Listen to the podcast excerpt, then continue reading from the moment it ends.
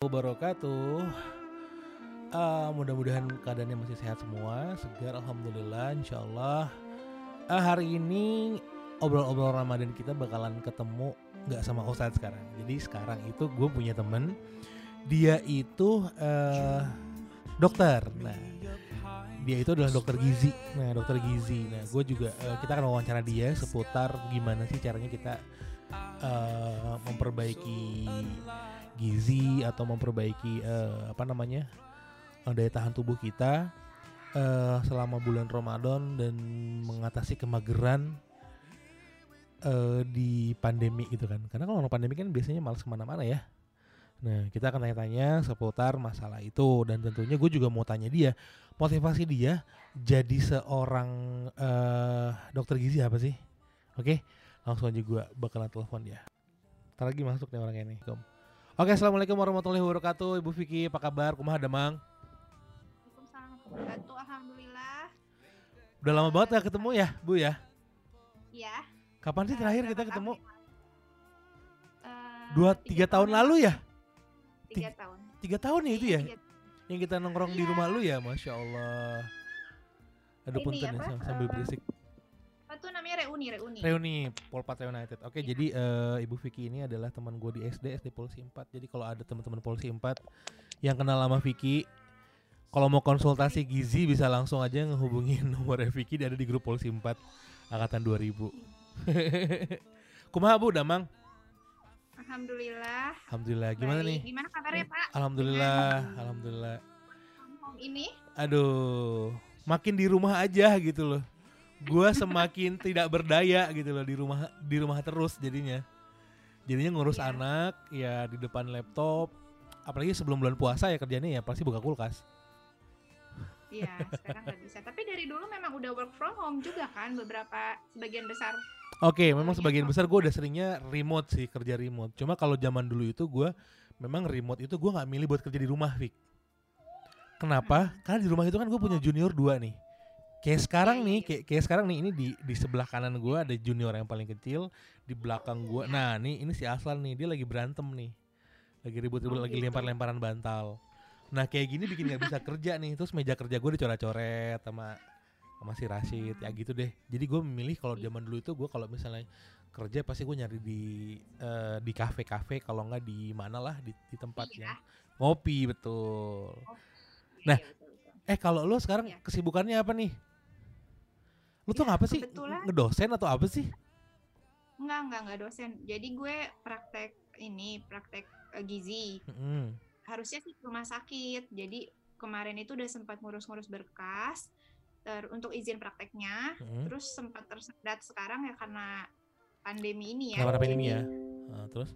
ko- kan eh, konsentrasi semua kan lagi ke ya rumah sakit kan konsentrasinya lagi ini ya Ha-ha. pindah lah gitu. Jadi Iya. untuk pengurusan berkas dan segala macam agak tertunda sih gitu. Jadi sekarang sih masih work from home. Maksudnya tuh lu buka praktek di rumah sakit atau gimana? Jadi eh, Atau lu jadi jadi oh ada, ada poliklinik gizinya, bukan jadi lu orang gizi di rumah sakitnya kan?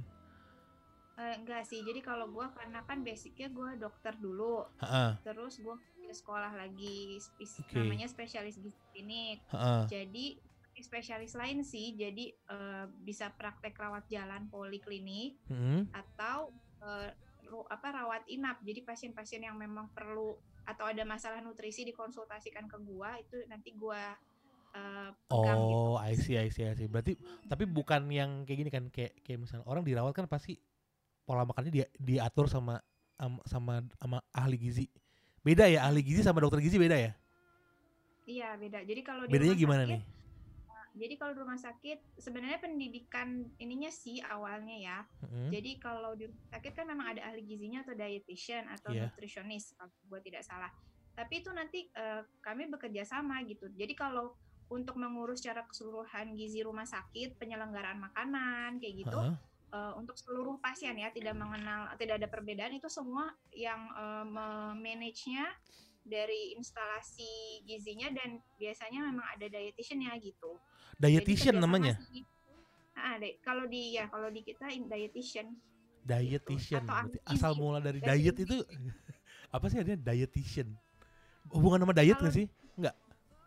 Sebenarnya kalau istilah diet sendiri, kalau untuk istilah dietitiannya gue eh, kurang tahu ya karena Aha. memang bukan apa bidang. Cuma bidangnya. kalau diet itu sebenarnya dalam bahasa Inggris tuh artinya sebenarnya pola makan gitu. Pola makan ya? dikatakan diet itu iya. Jadi makan istilahnya. Jadi bukan diet itu khusus memang Puasa gitu. untuk Eh, eh, puasa atau misalnya model-model diet model apa sih nurunin berat badan gitu enggak sih diet itu secara umum artinya pola makan gitu Oh, oke oke oke oke. Nah. jadinya salah kaprah gitu lah Oh, berarti memang kalau misalnya eh, diet itu kan pola makan. Sebetulnya berarti tiap hari juga kita diet dong berarti. Cuma Iya, dietnya mau bener diet atau itu- enggak, itu kan yang yang jadi masalah itu kan diet diet lu bener atau enggak Iya. gitu. Karena diet itu kan pola makan gitu ya. Eh, sorry, Iya. iya pola pola pola pola pola makan bener bener bener bener. pola makan kita mm. Sekarang gue mau nanyain beberapa pertanyaan doang nih. Kita kan waktunya kita sampai mendekati buka puasa, ya kan? Iya. Mendekati buka puasa. Eh, gue mau tanya, kenapa sih lo milih jadi dokter gizi? Lo S1-nya kedokteran umum kan? iya kedokteran umum Nah, terus S2, eh, terus eh, pas spesialisnya kenapa ngambil gizi? Eh, jadi ada ada latar belakangnya dibagi menjadi dua sih Oh, mulia sama mulia sama cita-cita apa eh, komersial gitu komersial Oh gitu. Jadi maksudnya maksudnya mulia itu dalam arti maksudnya kan eh, eh, memang dari dulu itu gue eh, gizi itu tidak terlalu dipelajari gitu sebenarnya di kedokteran umum ya. Jadi Ah. hanya selewat-selewat aja. Jadi semua apa maksudnya penting tapi nggak kelihatan penting gitu. Jadi Oke. akhirnya tapi yang gue hadapi banyak pasien-pasien dulu kan gue juga praktek umum ya di klinik-klinik Heeh. Eh, banyaknya yang nanya tuh eh, gimana ya pantangnya pantang makan apa gitu gitu Oh, dan, I see. dan setelah diketahui sebenarnya berbagai penyakit degeneratif atau yang dialami pada saat usia lanjut ya itu Ha-ha. sebenarnya juga ada faktor dari makanan yang kita konsumsi gitu pada saat eh, mudanya gitu sehingga efeknya Oke. ke pada saat dewasa atau pada saat lansia gitu usia lanjut Berarti Gitu. jadi Oke, lanjut lanjut lanjut. Nah, jadi ternyata tuh makanan tuh sangat eh, sangat segitunya eh, berpengaruh gitu. Dan eh, Oke, dan oke. s- eh, setelah semakin lama semakin maju karena maksudnya ini eh, bisa masuk ke teknologi juga gitu Iya, makanan benar atau benar juga benar. eh, bisnis juga bisa gitu kan. Iya, Sekarang iya, kan lagi benar, benar, bisnis kuliner banyak nih, tapi kan banyak ada yang sekarang udah ada healthy food gitu Iya sih. catering kayak gitu-gitu. Jadi sebenarnya tapi yang paling penting adalah gue melihat ternyata banyak penyakit yang disebabkan itu karena pola makan kita yang nggak bagus gitu. Karena pola makan ya. Tuh. Berarti bener ya kayak misalnya kalau misalnya kita kan ibarat kendaraan ya. Mm. Ya gimana kita mau diisi apa gitu. ya. Kalau misalnya lo isinya bensin eceran ya mungkin yang campuran segala macem bensin yang nggak bagus ya mesin juga cepat rusak dong. Tapi kalau misalnya lo bahan bakarnya sesuai dengan eh manual booknya ya lu bakalan mesin bakalan lebih awet gitu ya. Iya sih gitu. Eh, ya Nah, iya apa sih. jadi lebih gini loh. eh, secara apa namanya sederhananya gini loh. Apa yang kita eh, tanam itu yang kita tuai istilahnya gitu. Oke. Jadi apa yang selama ini masuk ke tubuh kita selama Hmm. berpuluh-puluh tahun gitu. Nantinya tuh akan ada efeknya di kemudian hari gitu. Jadi itu yang nanti kita dapatkan gitu sebenarnya di Ini gue kayak ketabok sih. enggak ini untuk secara keseluruhan maksud gue Iya benar benar benar eh, itu benar. tuh semua ha, gitu Nah, dan gue juga maksudnya eh, gue juga merasakan gitu Iya iya iya. itu sebenarnya pentingnya di situ jadi eh, sekarang udah mulai semua banyak yang udah mulai apa memahami itu gitu sadar akan eh, Sadar sama pentingnya gitu nutrisi gitu. pentingnya nutrisi. Nah itu berarti sekarang kita, Hmm. eh gue mau nanya sama lu berarti seberapa pentingnya sih orang itu harus sadar akan nutrisi? Mm-mm. Dan jadi, menurut pengalaman lu kira-kira orang mulai sadar itu pada saat fase apa sih? Sayangnya kalau ini gue ke pertanyaan kedua dulu ya. Boleh. sayangnya disadari itu pada saat sudah ada gejala atau sudah ada penyakit. Oh, misalnya sudah mulai misalnya ada penyakit ini cuma contoh ya maksudnya Betul. misalnya penyakit diabetes lah sekarang gampangnya. Diabetes ke dokter eh, dengan keluhan-keluhan segala macam oh ternyata bapak atau ibu diabetes nih. Heeh. ibu harus mengatur pola makannya ya. Jadi barulah pada saat itu ke eh, ahli gizi atau dokter gizi gitu Iya iya. Eh, padahal eh, padahal sebenarnya eh, gizi atau nutrisi itu tuh bisa bekerja sebenarnya optimal pada saat itu semua sebenarnya belum terjadi. Jadi prevention gitu. Jadi pencegahan sebenarnya kita harusnya bekerja di situ di tingkat pence- eh, pencegahan gitu. Sama lah halnya nggak nggak usah kayak gitu misalnya malnutrisi ya atau Hmm. eh, berat badan kurang pada anak misalnya ya. Berat badan Eh, lebih pada gua.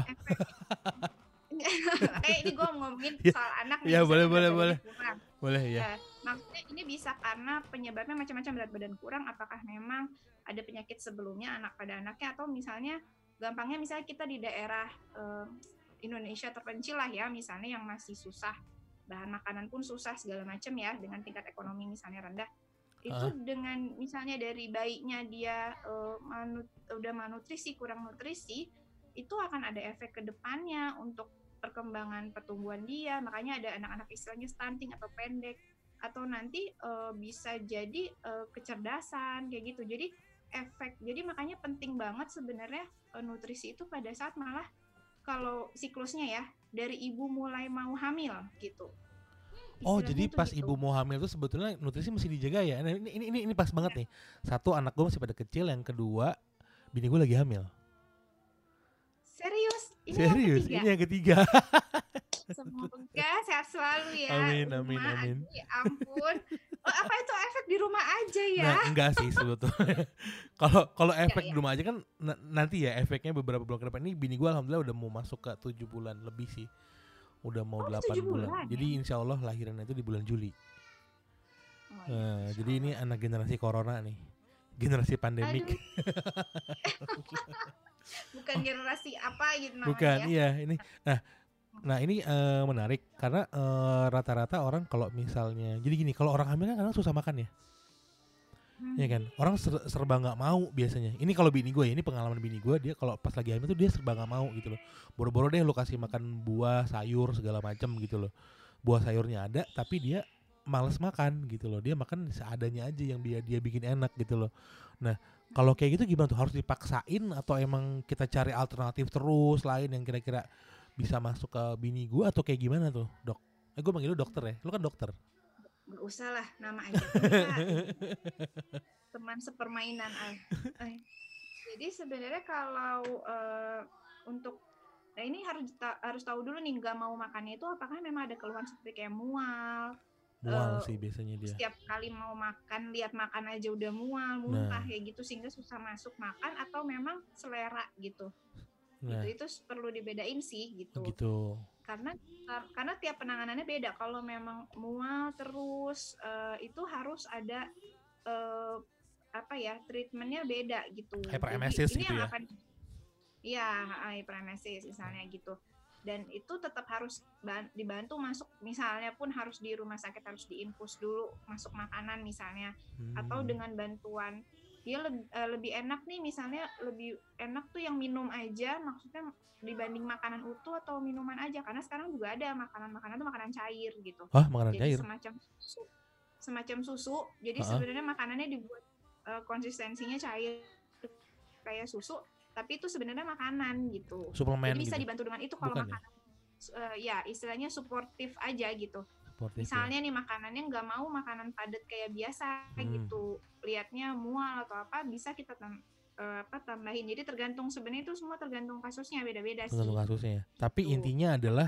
Eh, tapi memang harus em, tapi intinya eh kalau kita mau sayang sama mikirin anak-anak kita berarti ya harus dari pada saat dia hamil juga nutrisinya harus kita pikirin ya. Berarti itu ngaruh juga ya pembentukan Iya, jadi otak apa bah- segala macem gitu. bahkan prekonsepsi jadi bahkan begitu perencanaan kehamilan Wow. itu Berarti dari mulai Pernikahan itu kita Iya. sudah mulai makan sehat ya. ya di saat iya ya maksudnya yang ya maksudnya di saat udah nikah nih udah Iya, ada iya, iya. perencanaan kehamilan udah mulai tuh makan udah pilih-pilih makanan yang eh, gizinya tinggi gitu oke, gizi oke. seimbang gitu karena nanti Bener, itu bener, bener. itu kayak tabungan buat ibunya untuk pada saat nanti mulai hamil Ya. menyusui gitu sehingga anaknya juga Investasi juga ya. kan anak juga ngambil cadangan dari ibu jadi ibunya juga harus punya cadangan yang banyak gitu Oke oke. Nah itu, Gitu. itu yang jarang Nah. dipikirin sih.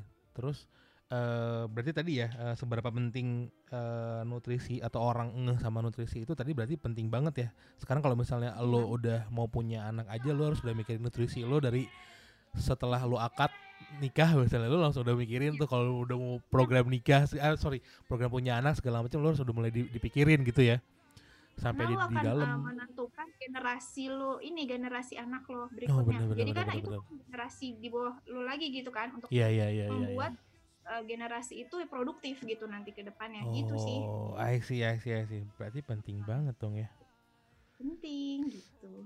Nah Dan sekarang bapaknya berarti harus menyediakan ya. itu itu Ba- itu para itu bapak. Nah. Ini itu penting bapak-bapak ya. Tapi gini loh, ini kita agak ngelompat sedikit ya.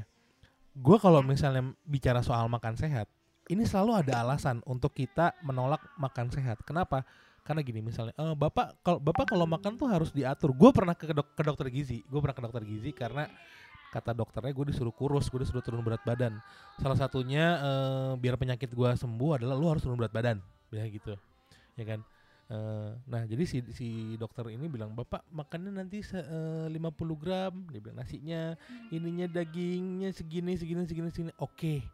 Saat gua di rumah mungkin istri gue bisa masakin dan menyediakan itu.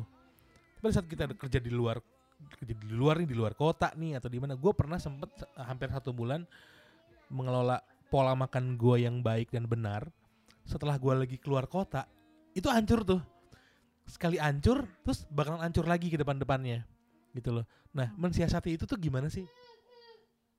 Misalnya kalau misalnya lu lu kerjanya di Jakarta misalnya, di Jakarta bukannya nggak ada tapi kan susah cari cari rumah makan yang eh, lu lu lu bisa pilih-pilih gitu loh.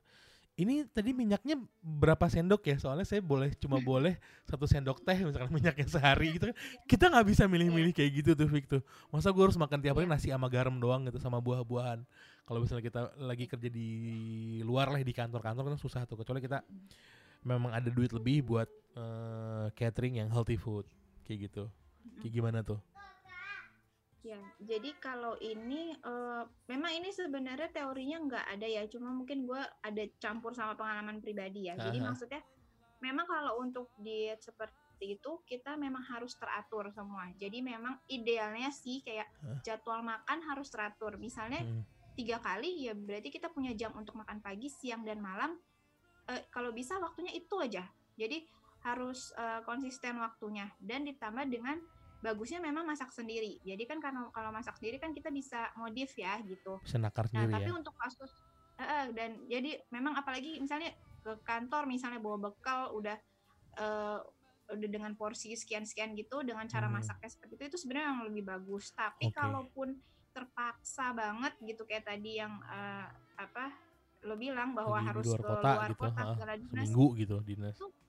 Mungkin menyiasatinya adalah pil tetap eh, si porsi yang kita makan itu sesuai dengan yang udah kita takaran biasa di rumah Oke. yang udah kita tentukan itu ya udah ditentukan Aha. itu misalnya nasi tetap segitu jangan tergoda untuk tambah Untuk nasi Nah, nasi? Ah, ah, maksudnya untuk ya udah kan eh, bahwa maksudnya apalagi yang tadi lu katakan udah bisa sebulan dengan pola seperti itu ah, ah. berarti kan udah terbentuk eh, sebenarnya udah terbentuk kebiasaan gitu Oke. kan kebiasaan itu kan teorinya akan terbentuk eh, sekitar 21 hari. Jadi maksudnya kalau lu udah lewat sebulan berarti sebenarnya itu udah menjadi kebiasaan lo habit. Nah, betul Jadi betul. tetap Nah, tetap si porsinya berarti main di porsi, tetap main por- porsinya segitu. Tinggal pilih lauknya kira-kira kan bisa dilihat nih Heeh. pilihan lauk mana sih yang nggak terlalu eh, nggak terlalu berminyak banget, nggak terlalu yang goreng banget misalnya. Iya. Ada yang kuah, misalnya kuah santan ya taruhlah misalnya padang nih. Nasi Wadaw. padang ya lu terpaksa makan nasi padang nih Iya. kan. Gitu. Itu nasi padang kan nasi. nasinya dibungkus lagi kan? Ih, the best itu Nah, mah. Nah, itu. Jadi langsung bilang ke udahnya, udah setengah nasinya gitu. Setengahnya dia tuh Udah, satu loh. Udah Seperapat kalau kita Apa? bilang ya. Setengahnya dia tuh satu kalau kalau kalau dibungkus Fik. Nah, itu minta pakai yang dia tuh sekarang punya loh, punya apa tuh centongnya yang untuk Oh, centong eh, batok kelapa yang kecil gitu ya. ada ada. Kalau enggak lu lihat sendiri minta kurangin kurangin segitu. Oh iya iya iya. Jadi, iya. Bener bener bener dengan porsi yang udah biasa gambaran porsi lu segitu Iya, gitu. harus ikhlas Terus untuk lauknya misalnya, lauknya yang minta jangan diguyur-guyur gitu loh kuahnya Iya, iya, misalnya iya. kayak gitu kan kita santannya itu kan menambahkan eh, lemak ya jadi Lemak. nambahin kalori Iya. jadi minta yang misalnya harus ayam, aduh pengen ayam kuah nih, Heeh, apa ayam gulai. Iya. Kalaupun bisa, misalnya dipisah. Emang repot, Repot. lebih repot. Cuma ah, Bagian jadi gitu usaha ya. mencatatnya, lu jangan makan jangan makan kuahnya semua gitu loh. Oh, Kuahnya see, dikit see. aja. Iya iya iya. Hanya rasa gitu loh kayak gitu. Dengan sayur juga nggak ditambahin kuah-kuah lain, santan kayak gitu. Jadi eh, pilih lauknya yang kira-kira bisa gitu kita kurangin kalorinya Iya, iya. gitu. Tapi kalau misalnya gini, mi- gitu. misalnya kita rutin nih, gue makan jam 6, jam 12, sama jam 5 misalnya. Itu kerjaan kita Iya. rutin. Suatu saat pada saat eh, ternyata misalkan gue seminggu harus keluar kota, kerjaannya tuh lebih heavy. Event yang kita di luar seharian, jalan-jalan, terus eh, itu penambahan porsi makan tuh apa ketika kita harus tetap segitu atau kita boleh ada penambahan porsi makan karena kan activity-nya juga bertambah. Ini ya, mah- kalau Ini misalnya mah alasan gue aja bu. gue mau ngomong itu tapi nggak enak kalau dari kan, omongan gue kan ya. Iya, dari iya. mulut gue nggak enak deh. Ya berarti maksudnya, nah itu sebenarnya kalau ketidakteraturan jam makan itu mengakibatkan misalnya lu nggak sempat makan pagi nih, Heeh. sempat-sempat ketemu udah sore gitu kan? Jadi dirapel tuh. sehingga Ah, ah, sehingga makannya akan eh, sangat-sangat brutal gitu Uh, makannya karena Balas dendam. kayak rapelan gitu kan. Nah, Iya, iya, itu itu. tuh yang kadang membuat eh, membuat sebenarnya kita kalori atau energi itu harus dibagi terbagi tuh karena itu karena kalau kita makan dalam satu waktu makan langsung banyak sedangkan aktivitas kita udah berhenti tuh kita udah nggak kerja kan Aha, bener-bener. nggak- itu akan eh, kelebihan energi itu kalau kita nggak pakai kan dia akan eh, disimpan jadi cadangan lemak kan Oh nyimbunin Oh lemak iya lagi sih. gitu Nah, Jadi mendingan sehingga makan banyak di depan gitu ya. Nggak juga Oh, nggak juga ya? tetap makannya nggak juga karena Hmm. tetap eh, makannya lebih baik gitu cuma kalau memang nggak sempet nggak sempet nah itulah eh, sebenarnya memang bagusnya harus rutin gitu Rutin, cuma ya. kalau nggak sampai sempet banget asal makannya jangan kalap lah gitu misalnya Iya, pada iya. saat sore baru bisa makan coba dulu makan eh, dengan porsi seperti biasa sekali makan itu Heeh. Terus tunggulah sekitar 20-30 menit gitu jangan nambah dulu gitu karena biarkanlah si sinyal kenyang itu ngasih tahu otak Iya. "Oh, udah kenyang udah cukup Kalau nggak minum gitu. dulu, Kalau lu sebelum nambah nasi lu minum dulu. Udah cukup kenyang belum? Gitu ya. bisa bisa Eh, kan jadi setelah makan baru kita minum kan Heeh. tunggu dulu tungguin sinyal sinyal kenyang dari lambung itu ngasih tahu ke otak gitu Oke oke. oh, udah udah cukup udah kenyang gitu Oh, iya, itu iya. salah satunya bisa Bener-bener. bener. Tapi memang in, pada intinya adalah kalau misalnya kita mau atur pola pola makan yang baik, eh, harus ada komitmen ya. Itu yang paling utama ya kan. Komitmen, motif, motif, sebenarnya komitmen utama. gitu. sebenarnya utama satu dulu adalah motivasinya Nah, motif. apa dulu motivasinya gitu Ya, motif karena ya. it- kalau itu yang kuat semua akan ngikutin gitu jadi Oke. Motivasi yang membuat eh, diri kita sadar kenapa kita harus berubah itu apanya gitu Oke. Yang kedua baru biasanya nah, yang kedua baru komitmen itu. komitmen. hmm, Kalau misalnya kita udah punya motivasi yang kuat dengan dengan komitmen kayak misalnya lu ketemu rumah makan Padang yang lu harus milih-milih makanan yang lu bilang ribet, itu nggak nggak akan jadi masalah ya. iya, Pasti kita terus-terusan cari solusi kan kalau misalkan motivasinya udah kuat sama komitmennya berarti motivasi gue belum kuat nih ya. Harusnya udah kuat banget Nah. padahal anak udah tiga, udah mau tiga ya kan usia Iya. masih 30 tapi tampang udah kayak 40-an. Masya Allah. nah kadang gini nih, ini gue pertanyaan paling satu atau dua pertanyaan lagi ya karena kita udah mau buka puasa nih ya. Oke. Jadi gini, eh, kadang gue suka suka mikir karena dokter, eh gue tuh dulu pernah punya penyakit lah. Mungkin ada beberapa orang juga yang punya penyakit yang sama atau mungkin orang obesitas. Eh, obesitas ini kan kadang kalau dipaksa olahraga kan ngeri juga kan. Mm-mm. Kayak misalkan, eh, Iya. eh lu olahraga dong, oh, biar kurus gitu loh. Bisa aja gitu karena alhamdulillah gue masih bisa naik gunung dan segala macam dan segala macam walaupun lambat gitu loh. Satu, satu sisi gue tuh mikirnya, gue tuh nggak boleh olahraga kayaknya ntar gue mati nih gue kalau olahraga nih. Ya kan deg-degan banget nih gue nih kalau olahraga. Kayaknya gue harus makan diet dulu deh. Setelah gue udah enak diet baru gue olahraga.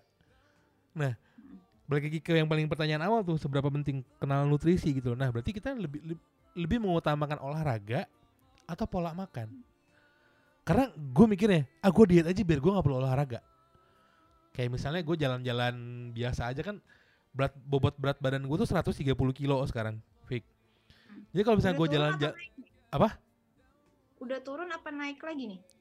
kayaknya sih gue belum nimbang lagi terakhir itu 130 gue asumsi gue itu dari celana dari baju kalau baju udah mulai gak enak berarti gue udah naik nih gitu kalau udah mulai longgar berarti udah turun lagi gitu loh nah gue tuh kan gue mikirnya gue jangan jalan-jalan bentar aja gue udah sambil jalan sambil memangku bobot badan yang 130 kilogram. Itu tuh adalah olah, udah olahraga buat gua gitu loh. Kalau gue mikirnya kayak gitu. Kalau misalnya temen gua enggak enggak eh, lu kuat naik gunung dengan cepet. Iya lu bobot berat badan lu tuh cuma setengah gua. Lu kebayang gak sih kalau lu naik gunung sambil bawa tas 80 kilo? Lu nggak akan kuat tapi gua kuat gitu loh. Jadi itu adalah olahraga gua gitu kan. Nah, tapi saat satu sisi gue mikirnya ah nggak deh gue malas olahraga. Eh, gue mendingan coba diet aja dulu nih nah kalau dari sisi dari sisi lo sebagai eh, dokter gizi gitu loh lebih baik atur pola makan dulu atau olahraga dulu atau sebetulnya kayak telur dulu ayam dulu nih gue nanya kayak begitu Iya. Sebenarnya yang penting paling penting adalah dilakukan. anjir iya bener itu Jadi lo mau diet dulu, apa olahraga dulu, yang penting dilakukan. oh, Jadi sebenarnya kalau kalau pandangan gue sih, kalau pandangan Pinter gue memang itu tergantung kasus per kasus ya, tapi dua-duanya jalan gitu. harus ya Cuma untuk eh, eh, tapi kan kalau melihat misalnya dari ini contoh jadi pakai lu nih karena lu Ya yang apa, nih yang apa, bilang nggak ya. apa. Kan kita lagi ngobrol emang, emang kasus-kasus gue. Ah. Ini gue jadi kayak Ya, konsultasi kan? gratis ya. Iya nih gimana nih? eh, Wani Piro nih Wani Aduh, aduh, aduh, aduh, terus, terus. Jadi misalnya kayak gini, mungkin lu ada kesulitan untuk jalan kaki kan? Karena gini, kalau dengan bobot eh, badan juga yang eh, tinggi, Heeh. eh, kalau kita jalan ataupun lari, memang ada ditakutkan ada efek ke lutut gitu. Jadi Lutut, iya. persendian lutut karena kan bebannya bebannya tinggi dong di Ah, lutut ya, terutama ke ah. kaki. Iya, iya. Itu yang paling eh, paling berat nahan bobot berat badan sehingga Yes. eh, juga harus hati-hati dengan eh, dengan cara misalnya mau lari lah mau jalan kaki itu juga kebanyakan akan ada keluhan gitu. Yes. Jadi eh, kalaupun untuk saat-saat pada saat eh, baru mau nurunin berat badan nih Heeh. harus eh, pilih olahraga yang nggak ngasih beban ke lutut gitu misalnya. Misalnya berenang. Kalau nggak suka berenang sebenarnya berjalan di kolam renang itu juga lumayan karena eh, Apalagi, apalagi, apalagi lawan arus gitu ya di sungai gitu ya. Palit tuh aing. jangan juga dan juga bahaya juga ya. Yang santai aja maksudnya kolam renang dengan berjalan bolak-balik misalnya Mhm. eh, bisa 20 30 menit bertahap Mhm, aja kan. mhm. Tapi itu eh, akan me- apa memberi nggak terlalu ngasih beban berat untuk lutut karena kan ada Oke. tekanan dari airnya gitu. Yes. Lebih ringan dianya. Atau eh, misalnya sepeda, sepeda Statik. statis kayak Iya. gitu bisa sepeda statis karena dia tidak memberikan beban. Contohnya kayak gitu. Jadi pilih olahraga yang aman dulu buat lutut nih Yes. gitu. Nah, setelah nanti kalau udah bisa turun, udah turun oke, udah agak lebih eh, ringan, boleh dengan olahraga yang eh, disukain gitu. Dan juga yang paling penting jangan ekstrim gitu olahraganya. Misalnya eh, udah basket lah, eh, jadi berapa jam tiap hari gitu. Itu juga itu juga eh, nggak- Badminton. nggak bagus. Ninggal aja. Nah ya, jadi pilih pilih eh, pilih olahraga yang istilahnya apa ya? Untuk istilah olahraga itu yang konstan. Jadi maksudnya kalau untuk yang kayak eh, basket, Itu kan badminton game permainan ada, ya. Ada fase, ha, ada fase dia eh, berhenti, terus cepat gitu kan ya. Ah, iya iya. Kita iya. pilih yang konstan. Jadi yang aman tuh yang konstan atau yang seperti kayak kardio. Kardio gitu. ya. Ha, jadi misalnya jalan terus tapi nggak berhenti, misalnya kayak Ah, ah, gitu. Eh, jadi jangan yang lonjakannya kadang apa sih kadang tinggi intensitasnya Iya, kadang iya, rendah iya, kayak iya, gitu iya. juga jangan Oke, Gitu. oke. terus di diet juga tetap ini tetap nah cuma yang gini satu yang paling penting sih buat penurunan berat badan eh, jangan sampai eh, eh, terjadi eh, sering yoyo. Eh, ini enggak pernah kenal so- eh, istilah yoyo ini enggak diet Enggak. atau weight cycling. Jadi gini eh, orang yang mau menurunkan berat badan ini sempat turun nih beratnya. Heeh. terus nanti naik lagi naik bahkan lebih eh, lebih tinggi dari sebelumnya misalnya. Iya. nanti dia naik lagi. Jadi kayak yoyo gitu itu tuh kayak kayak misalnya diet yang gini gue pernah di "Eh, lu nggak usah makan nasi tuh dua bulan tuh pasti turun iya gue dua bulan nggak makan nasi turun ntar lebaran nih pas makan nasi lagi pasti naiknya edan gitu loh kayak gitu mungkin ya Eh, Iya, jadi iya bisa efeknya macam-macam. Jadi begitu misalnya kita udah turun nih, Mhm. aduh lepas nih gitu ya, Iya. lepas kontrol gitu Ah, ya. ah, ah. lagi naiknya bahkan lebih tinggi dari sebelumnya dan yang yoyo seperti itu sebenarnya lebih bahaya jadi kalau mau diet diet gitu kalau eh, maksudnya dalam arti kalau mau pola makannya diatur dikurangin terus gitu stabil karena nanti kalau sempat naik turun naik turun percuma gitu apa yang sudah dilakukan semua karena itu akan lebih bahaya gitu Oke oke. dari segi kesehatan gitu jadi Berat. Oke. baiknya ya turun pelan-pelan tapi turun terus Yes. gitu Benar benar benar. Karena rata-rata orang menyerah kalau misalnya dengan berapa lama gue harus gue bakal kurus berapa lama gitu loh ya kan tiga Iya. bulan minimal 10 bulan setahun lu lu pasti turun tuh setahun tuh 10 kilo gue mikir. Anjir setahun 10 kilo gila mau kapan gue berat badan ideal harus nurunin 50 kilo? Lima tahun anjir. Tiba-tiba lima tahun kemudian gitu loh. Iya aja kalau misalkan lima tahun lalu gue ngikutin pola makan itu gue udah kurus kali sekarang kayak karena bener-bener kayak gitu. Jadi beneran apa eh, lebih lebih bagus orang dietnya santai tapi konstan gitu ya. Daripada Iya, lu tiba-tiba langsung gua OCD gitu loh. Misal gua tiba-tiba nggak makan gula gua nggak makan nasi lima bu tiga bulan gitu loh. Tapi ntar bosen gitu tiba makan nasi lagi ntar naik lagi.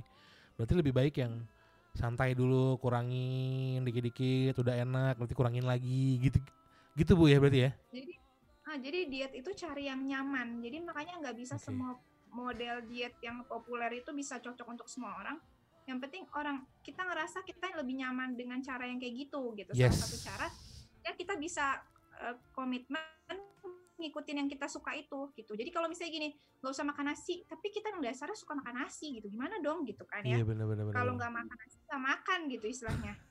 Dan coba bela- jadi eh, mungkin eh, kayak gitu bisa aja solusinya salah satunya coba ganti nasi putihnya gitu. Cobain Oke. nasi juga coba nasi merah cobain atau enggak coba dulu kombinasi nasi merah nasi putih dicampur nih masaknya. Oh bisa yang kayak gitu? penting udah punya dapet serat nggak apa-apa. Oh yang apa penting ya? udah dapet serat nih gitu. Nambahin eh, serat tuh nambahin supaya lebih cep- lama kenyangnya gitu Oke. supaya juga eh, eh, gitu. Jadi supaya nggak ngemil gitu misalnya kayak gitulah.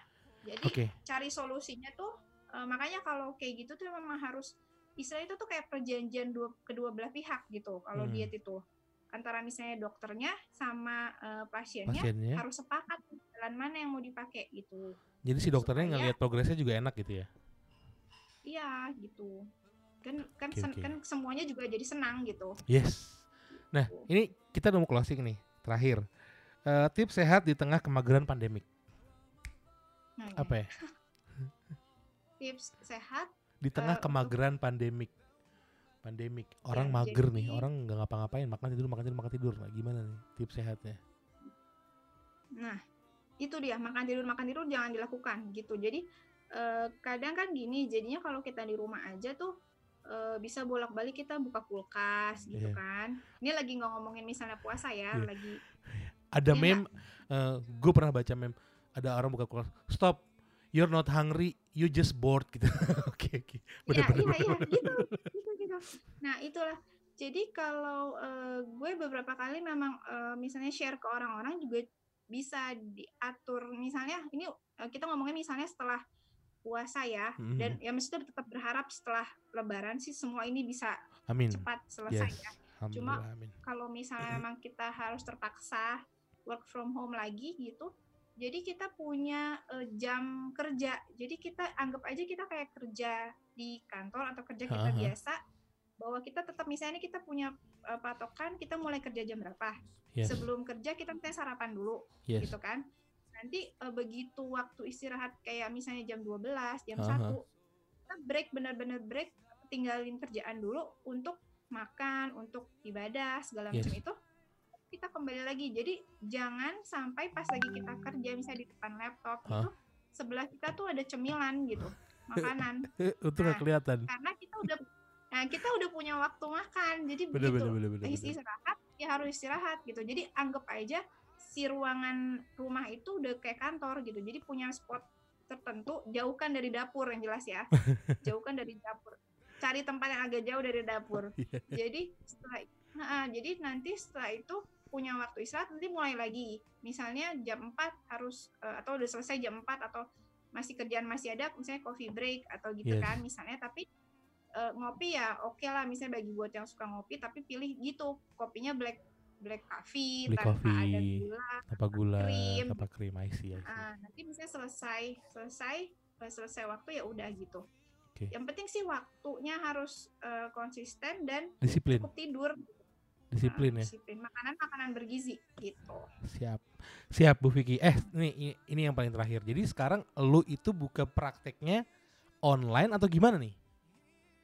ya untuk sementara saat ini Heeh. online eh, jadi sementara saat ini gue belum praktek karena kan di rumah sakit belum bisa tapi Oke. kalau online untuk konsultasi online eh, gitu sih eh, oke aja gitu Oke aja ya. Tetap ada billingnya dong harusnya. Lu ada hitungan Apa? nggak sih?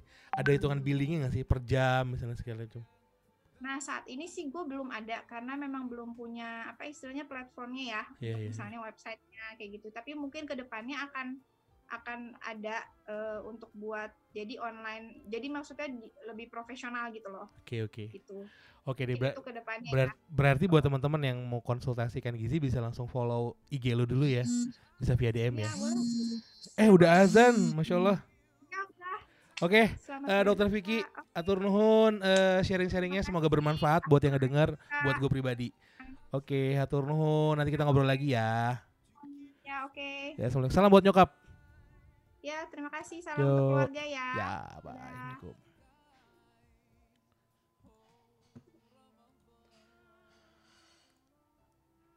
Alhamdulillahirobbilalamin akhirnya udah selesai juga ngomong sama dokter Vicky tadi. Jadi buat buat teman-teman yang punya urusan soal nutrisi atau mau diet segala macam boleh tadi didengerin ya sedikit banyaknya mungkin ada masukan buat kalian karena gue ini orang yang eh, gendut ya.